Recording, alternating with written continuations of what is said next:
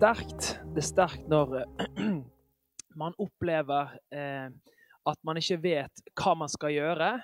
Og da er jo spørsmålet hva vil du gjøre når du er lost, eller når man mister fotfestet, når man opplever å være om man faktisk er fortapt fordi man ikke har blitt kjent med Jesus ennå. Hva gjør du? Hvor vil du da gå? Eh, og, og, vi vet jo alle det, og, eh, at Jesus han er jo svaret på det. Eh, jeg skal komme mer tilbake til, til det også eh, videre. Men jeg har lyst til å, å, begynne med å lese fra første Mosebok. Noen som opplevde akkurat dette her, å være lost uten håp, uten fremtidsvisjon, uten, eh, uten å ha den tryggheten i livet. Første Mosebok, kapittel 21. Eh, og der står det fra eh, vers 14 av. Da sto Abraham tidlig opp om morgenen, og han tok brød og en skinnsekk med vann og gav det til Hagar og la det på hennes skulder. Han gav henne gutten med og sendte henne bort. Hun dro av sted og flakket omkring i ørkenen ved Beersheba. Da det var forbi med vannet i skinnsekken, la hun gutten fra seg under en busk. Så gikk hun og satte seg et stykke fra, omtrent så langt som et bueskudd, for hun sa, 'La meg ikke se at gutten dør.' Hun satt der et stykke fra ham og brast i gråt.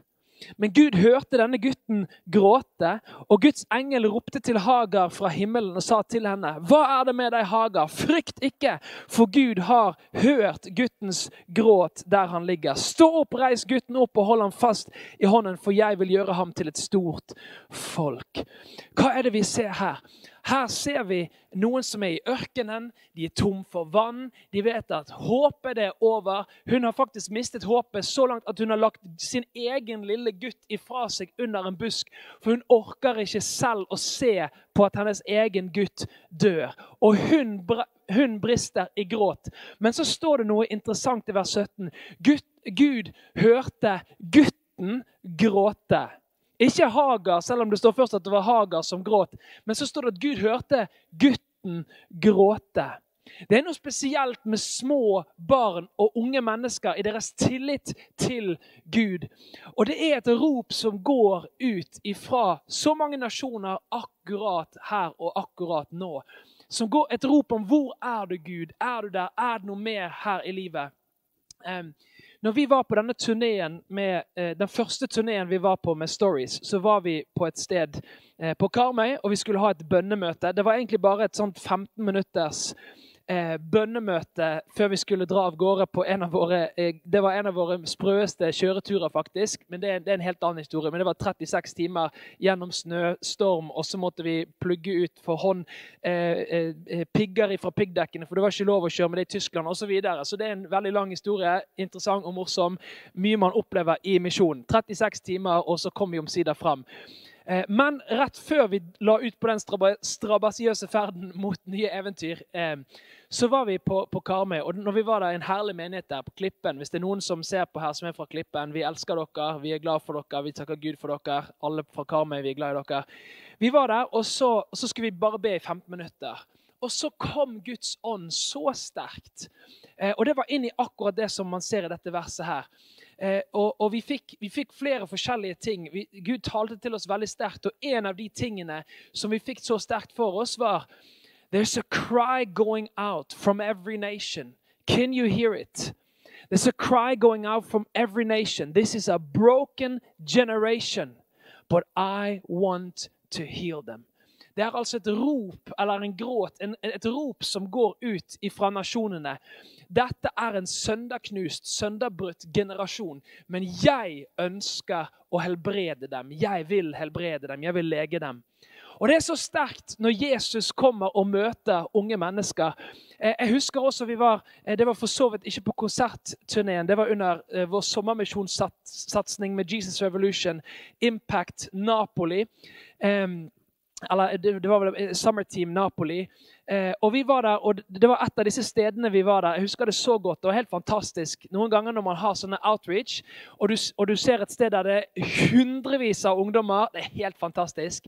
Og Dette var et av disse stedene der det var mange utesteder. Så det var hundrevis av ungdommer, og, eh, og det var røyking og drikking og mye marihuana. Marihuanarøyken lå så tett over der, eh, og de som, de som var, opplevde det, de vet hva jeg snakker om. Det var en barnefamilie som vi hadde med oss, som måtte gå hjem, for det ble rett og slett for heftig for barna. Tårer osv. Så, videre. så eh, ja, så det var, det var spesielt. Og midt oppi dette her som kokte av liv, så kommer vi der og kan sette opp med en sånn typisk gatemøte med dans og liv og litt drama. Og vi preker evangeliet. Eh, og det er forresten en av de sprøeste sånn her eh, sånn gatemøteopplevelsen jeg hadde. Midt i en dans så kommer det altså eh, et nygift ektepar i full brudekjole med et svært kamerateam drassende. Og de joiner inn i dansen med noen ungdommer som danser sånn sammerteam. Og så har de med full brudekjole og kameracrew. Så det var en sånn sprø eh, hele situasjonen der.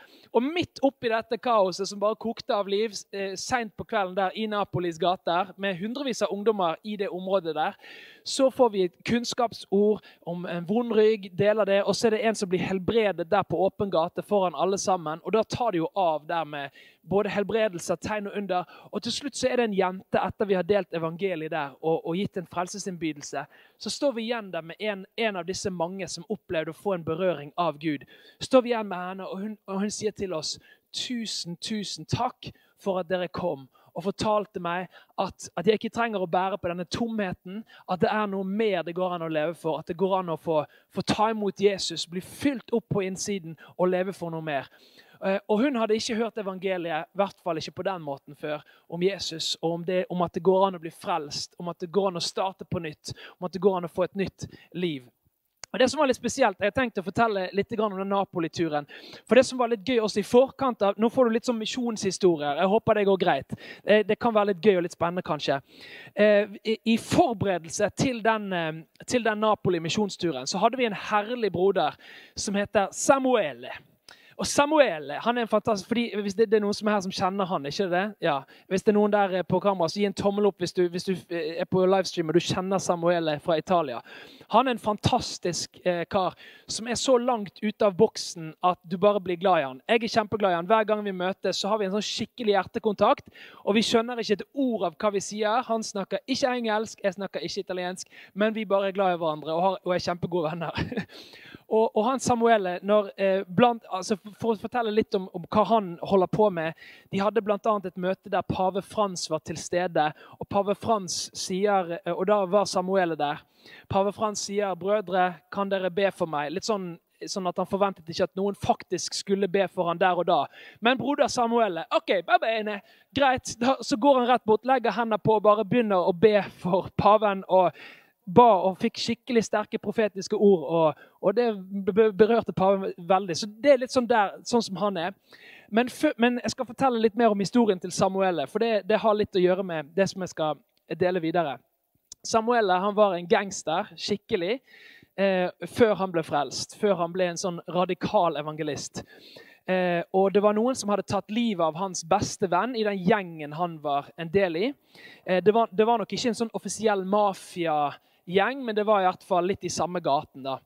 Eh, så var det noen som hadde tatt livet av, eh, av hans beste venn, og han planla det som heter vendetta, altså blodhevn. Hvis det er noen som har sett noen mafiafilmer, så vet man litt, litt om det eh, vendetta, blodhevn. Han planla, for han visste hvem som hadde gjort det, og han planla at om ett års tid skal jeg da ta livet av de som har tatt livet av min venn. Han går og tenker på disse tankene her. Jeg skal begå vendetta, tenker da Samuele.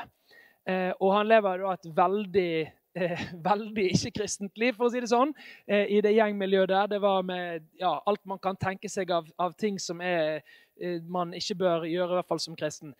Og for så vidt ellers i samfunnet også, for så vidt. Og, og, han går og tenker på å, å gjøre vendetta. En dag så, så, er det en venn av han som gir han en bibel.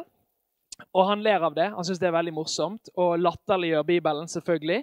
Og, og så, men så står nå den Bibelen der i bokhyllen hans. Eh, og så en dag så tar han Bibelen, og så tenker han pff, Guds ord, liksom, Bibelen. sant? Ja, ja, vi skal se om dette her funker. Da. Så tar han og slår Bibelen opp bare sånn på første. Og så bom, tar han fingeren sin og åpner, og så slår han rett opp på eh, Romerbrevet, kapittel 12, vers 19. Og der står det Vendetta tilhører meg, sier Herren. Jeg vil utføre vendetta, står det i den italienske oversettelsen. På norsk står det 'hevnen hører meg til'. Jeg vil, vil gjengjelde. Men på italiensk er det da 'vendetta'. Han blir da livredd, smeller igjen Bibelen, og for første gang i livet så er han livredd. For han skjønte at det er en Gud i himmelen som ser alt det jeg gjør. Og han, han kommer til å drepe meg. han var helt overbevist.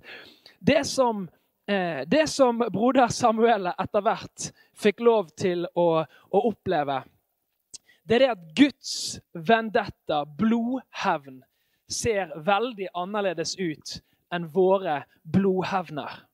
Guds vendetta, han kom selv. Og han, når han døde på et kors, så gav han sitt blod i vårt sted. Guds hevn, straff over all synd som du har i ditt liv, det tok Jesus på seg selv, og han ga sitt blod i ditt sted. Det leder meg til neste eh, bibelvers. Jeg har tenkt å lese, lese ifra Skal vi se eh, Ifra Hebreerne, kapittel 12, vers 24. Kapittel 12 i Hebreerne, vers 24. Der står det til Jesus mellommannen for en ny pakt og til det rensende blod som taler bedre enn Abels blod. Hva, hva, er dette her for noe? Vent litt. Noen ganger når du leser Bibelen, så leser man sånn, og du skjønner ikke helt konteksten. du skjønner ikke helt, Hva betyr nå egentlig dette? Abel, Hvem, hvem er Abel nå igjen? Jeg syns jeg har hørt det navnet en eller annen, et eller annet sted. Abel, og Her var det mye blod og mellommann. Jeg skjønner ikke helt dette her. Og, og, og, Noen ganger kan det være sånn når man leser Bibelen, og det er derfor det er så fantastisk å få lære litt mer. Og her skyter jeg inn gratisreklame.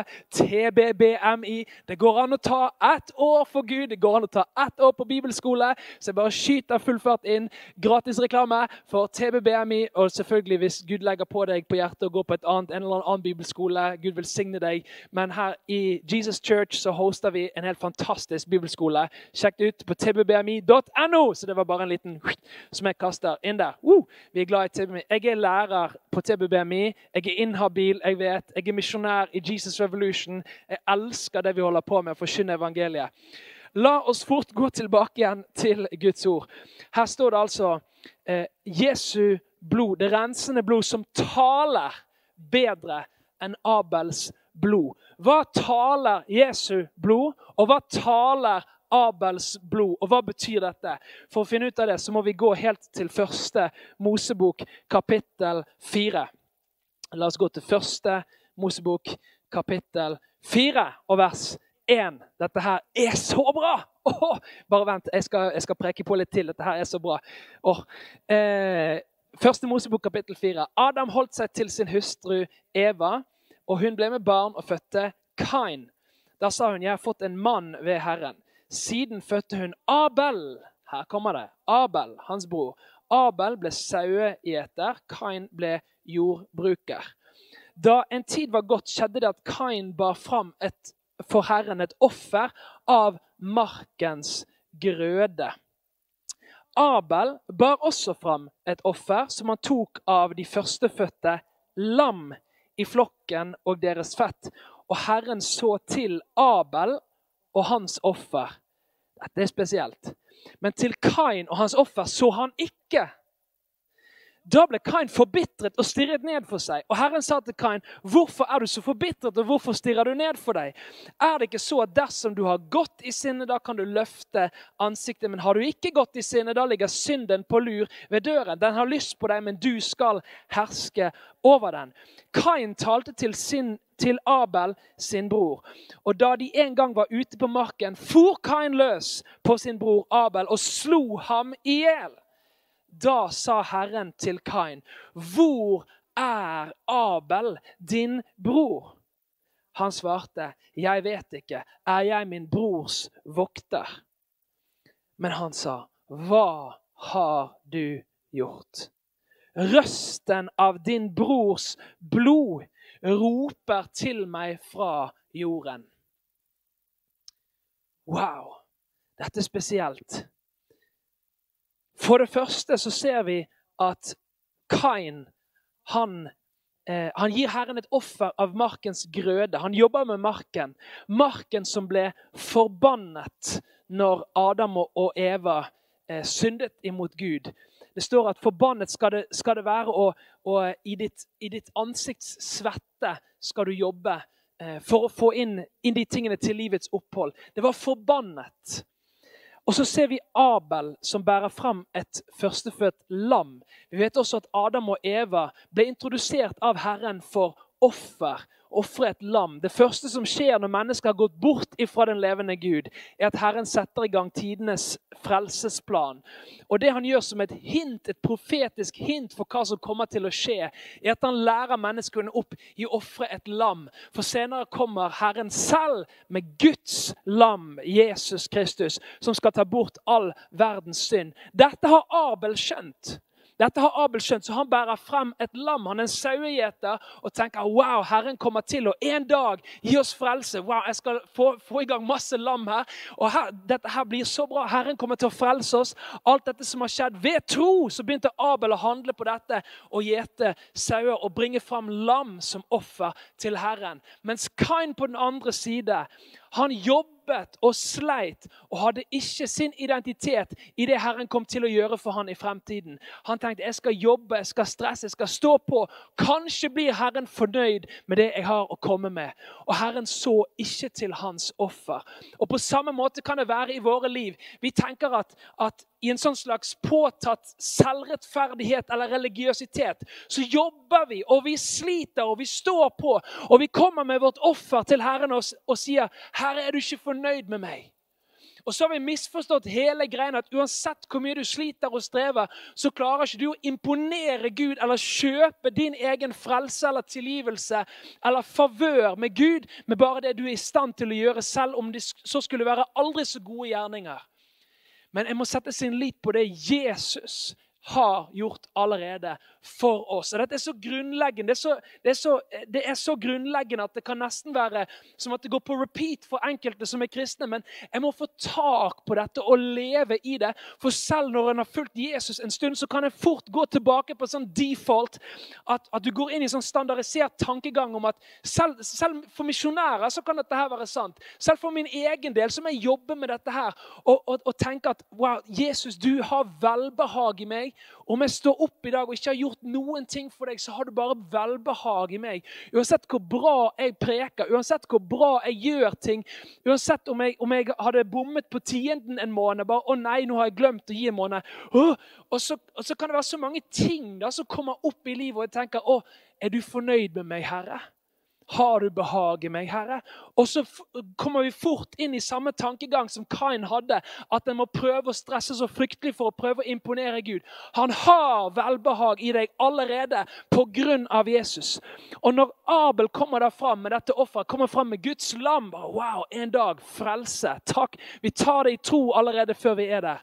Og han kommer fram, så sier vi at Gud ser til det offeret, og ikke til Kain. Og Kain tar jo dette hakket videre, og etter hvert tar han livet av sin bror eh, Abel. Og så sier Herren at din brors blod, det roper til meg ifra markene. Abels blod roper. Hva er det Abels blod roper? Jo, Abels blod det er skjult synd som han prøvde å holde borte fra Herrens åsyn.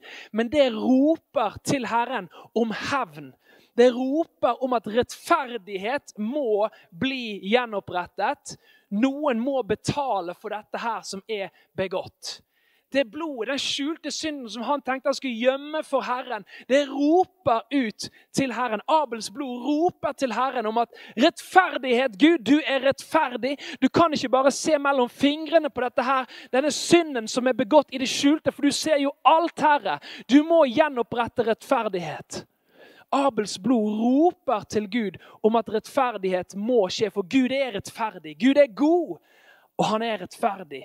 Og En god og en rettferdig dommer kan ikke bare la synd bare passere og bare ja, det er ikke så farlig.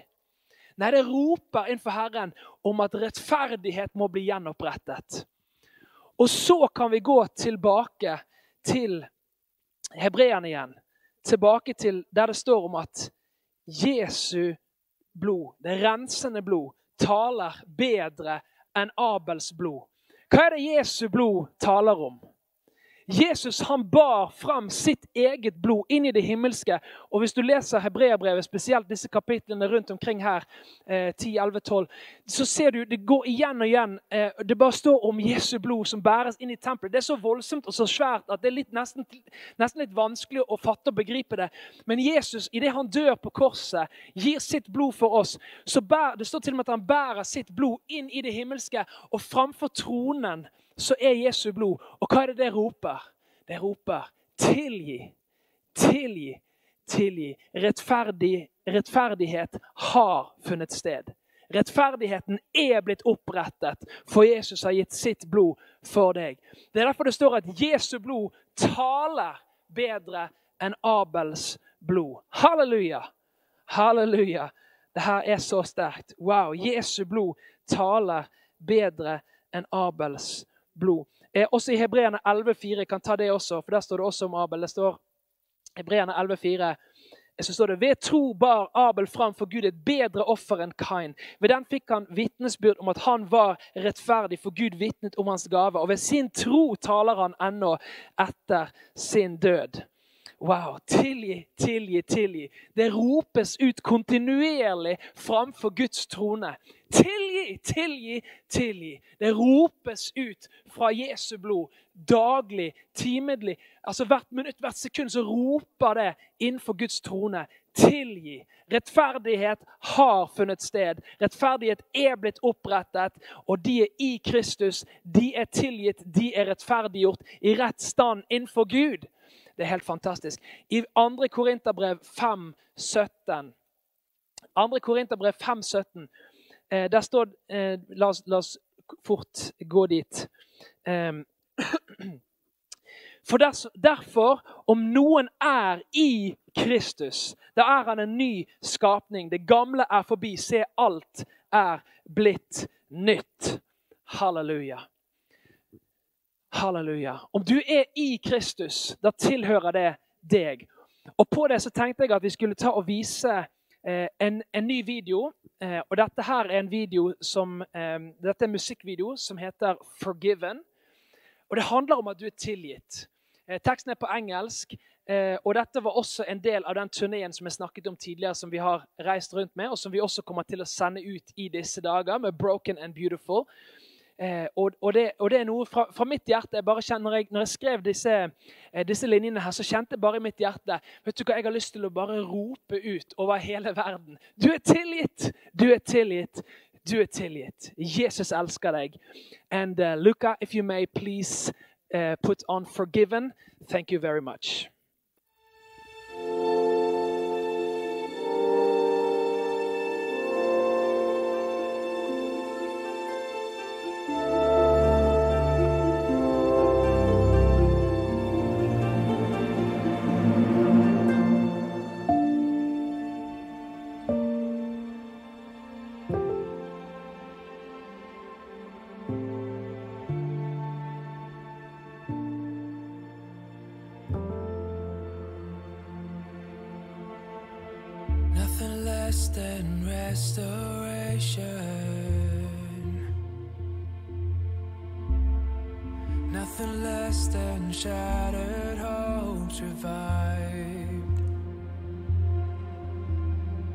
Nothing less than beauty to rise from ashes. Your past is rendered powerless. You are forgiven. You are forgiven. On the cross is where it all stays. Your sin and your mistakes.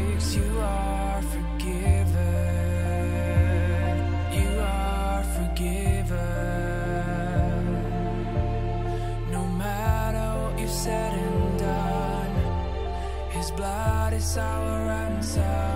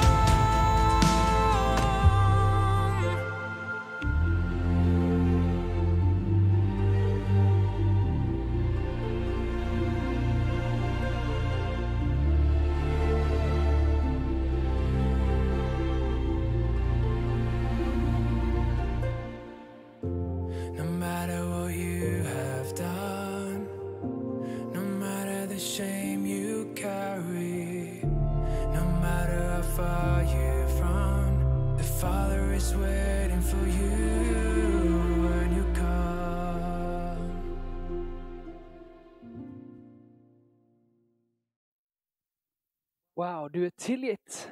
Du er tilgitt. Fantastisk. Fantastisk. Du er tilgitt. Eh, I Matteus kapittel 3, vers 17, står det å se det lød en røst fra himmelen. Dette er min sønn, den elskede. I ham har jeg velbehag. Når du har tatt imot Jesus, når du har tatt imot tilgivelse fra Gud, når du er i Kristus, som jeg leste rett før, at om noen er i Kristus, er han en ny skapning, det gamle forbi, alt er blitt nytt. Når du er i Kristus, så tilhører dette deg. Når du er i Kristus, så er det om deg den himmelske Faderen snak, snakker om når han sier disse ordene her. 'Dette er min sønn', eller 'dette er min datter', den elskede, som jeg har velbehag i. Når du er i Kristus, så tilhører dette her deg. Du kan stå opp hver en morgen. Du kan komme Hver gang du kommer frem for Gud, så kan du komme vit, vel vitende om at han har velbehag i meg. Det er så mange som prøver å leve kristenlivet sitt sånn at man prøver å behage Gud. Gå inn i det sporet som Kain var inne på, eh, uten at en skjønner det at wow, Gud har behag i meg. Han elsker meg. Og det er ikke pga. at jeg har vært så utrolig flink, men det er pga. det Jesus har gjort for meg. Og så ut ifra det, i takknemlighet, så kan vi bare leve for Jesus. I takknemlighet. Og selvfølgelig så, så fører jo det til handling. På samme måte som når man er gift, så ønsker man jo selvfølgelig å være til behag for den man er gift med. Men det er jo ikke pga. at man ønsker å prøve å bli gift. Det er jo fordi at man er gift. Og, og da er man jo i en ekte pakt med sin hustru eller sin, sin mann hvis man er kvinne. Eh, Og dette her er jo så fantastisk at vi også kan få oppleve det at vi allerede har blitt satt inn i Kristus. Vi har Guds velbehag, og ut ifra det kan vi leve våre liv. I Johannes kapittel 6, vers 28 og 29, eh, Johannes kapittel 6, vers 28 og 29, så står det eh, at der, der kommer det en gjeng til Jesus og spør Jesus om akkurat dette her. I vers 28 står det De sa da til ham, hva skal vi gjøre for å gjøre Guds gjerninger? Jesus svarte og sa til dem, dette er Guds gjerning, at dere skal tro på ham som han har sendt.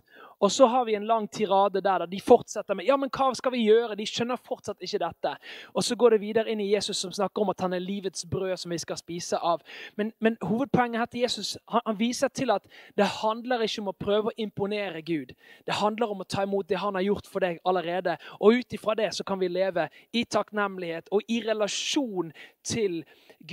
Eh, og et, et annet sted, altså Det står jo flere steder om lydighet. Det å være lydig og følge Guds ord. Og Det har jeg også lyst til å si en liten ting om. Eh, og det med lydighet eh, Mange steder så, på gresk så står det 'hypakuneo' når det står om lydighet. Og Det betyr å lytte under autoritet. F.eks. som når en general sier til en soldat 'Kjære soldat' Eller han sier kanskje ikke 'kjære soldat', men han sier iallfall 'Soldat, gå og vask kjøkkenet'. Og soldaten sier 'yes, sir'. Og så går han og vasker kjøkkenet. Glad og fornøyd kommer han tilbake, rapporterer. 'General, kjøkkenet ferdig stilles til et eller annet.' Ja, jeg husker ikke, lenge siden jeg gjorde førstegangstjenesten. Eh, og så er generalen fornøyd med arbeidet. Tommel opp. Livet går videre. Eh, dette er det som når det står om lydighet. Lydighet har mye mer å gjøre med det å lytte enn det har å gjøre med selve handlingen. Handlingen kommer som en naturlig eh, som, som, en naturlig konsekvens av at du lytter. Og når, Jesus, eh, når, når, Guds ord snakker om at vi skal være lydige til Jesus, så handler det mye mer om den relasjonen vi har til Gud. Og da blir selve, selve, handlingene vi gjør for Gud, livet vi lever for Han, blir en naturlig konsekvens av den relasjonen vi har til Han, av at vi lytter og at vi er klar.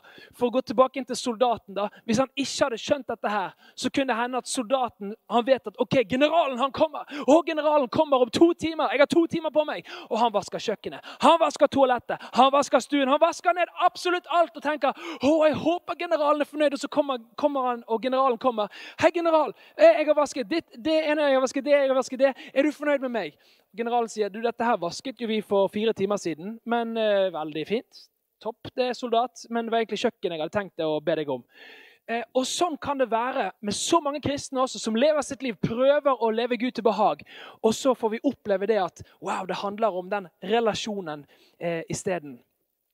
1. Eh, Johannes 4, 18 sier at frykt er ikke i kjærligheten, men den fullkomne kjærligheten driver frykten ut, for frykten har med straff å gjøre, og den som frykter, er ikke blitt fullkommen i kjærligheten. Amen. Det er mange som, som også lever sitt kristenliv i frykt. Man er usikker på hvem er egentlig Gud når jeg kommer til ham. Hvis jeg i det hele tatt ber er jeg god nok? Jeg vet ikke. Jeg ber, men jeg vet ikke hva Gud egentlig tenker om meg. Hvis jeg leser Bibelen, jeg leser sikkert ikke Bibelen nok. Kanskje Gud kommer til å straffe meg på et eller annet vis. Jeg, i hvert fall At man er usikker på Gud. Og Det er så fort gjort at man, kan, at man kan gå i den fellen og tenke sånn om Gud. Men Gud, for å sitere Bill Johnson Gud, han er bedre enn du tror. Gud er god. Gud er god, han er bedre enn du tror. Han, når du kommer til Gud, så retter ikke han pekefingeren mot deg når du kommer i Jesu navn på bakgrunn av at Jesus allerede har gjort frelsesverket. Når du da kommer til Gud, så retter ikke han pekefingeren mot deg. Han retter sine åpne armer til deg, og de har hull i etter at han har betalt med sitt blod, som taler bedre enn Abels blod. Gud han er god. Han kaller deg til fellesskap. Første Korinterne 1,9. Uh, og Romerne 8,1. For, for de som er i Kristus Jesus, der er det ingen fordømmelse. Og Gud han lønner de som inderlig søker ham. Hebreerne 11,6. Han har planer om fremtid for deg. Han har planer om håp for deg. Han har planer om at det skal lykkes for deg. Jeremia 29,11. Han vil aldri svikte deg. Han vil aldri forlate deg. Hebreerne 13,5. Han gir den trette kraft, og den som ingen krefter har, gir han stor styrke. Jesaja 40,29. Om du vandrer gjennom dødsskyggens dal, trenger du ikke frykte, for han er med deg. Amen. Salme 23. Om tusen faller ved din side og ti tusen ved din høyre hånd, til deg skal skal det ikke nå. Salme 91. Han skal gi sine engler befaling om å bevare deg. Salme 91. Han er nær til alle som kaller på ham. Salme 145, 18. Og alle som påkaller Herrens navn, skal bli frelst. Amen. Romerne 10, 13. Ser du Guds ord hele veien? Gud er for deg. Gud er god. Han er mye bedre enn du tror. Og han elsker deg så høyt. Og på det så skal vi ta og vise deg en ny film. Det er bare en 30 sekunders snutt fra litt kampanjer og forskjellig som heter Found. Fordi vi er funnet av den levende Gud. Look up if you could please put on Found. Thank you so much.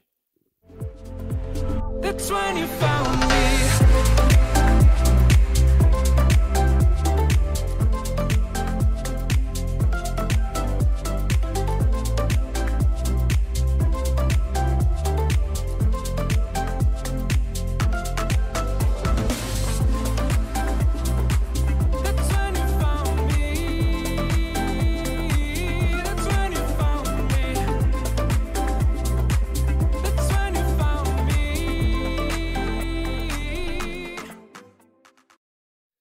Amen. Found. That's, where, that's when you found me.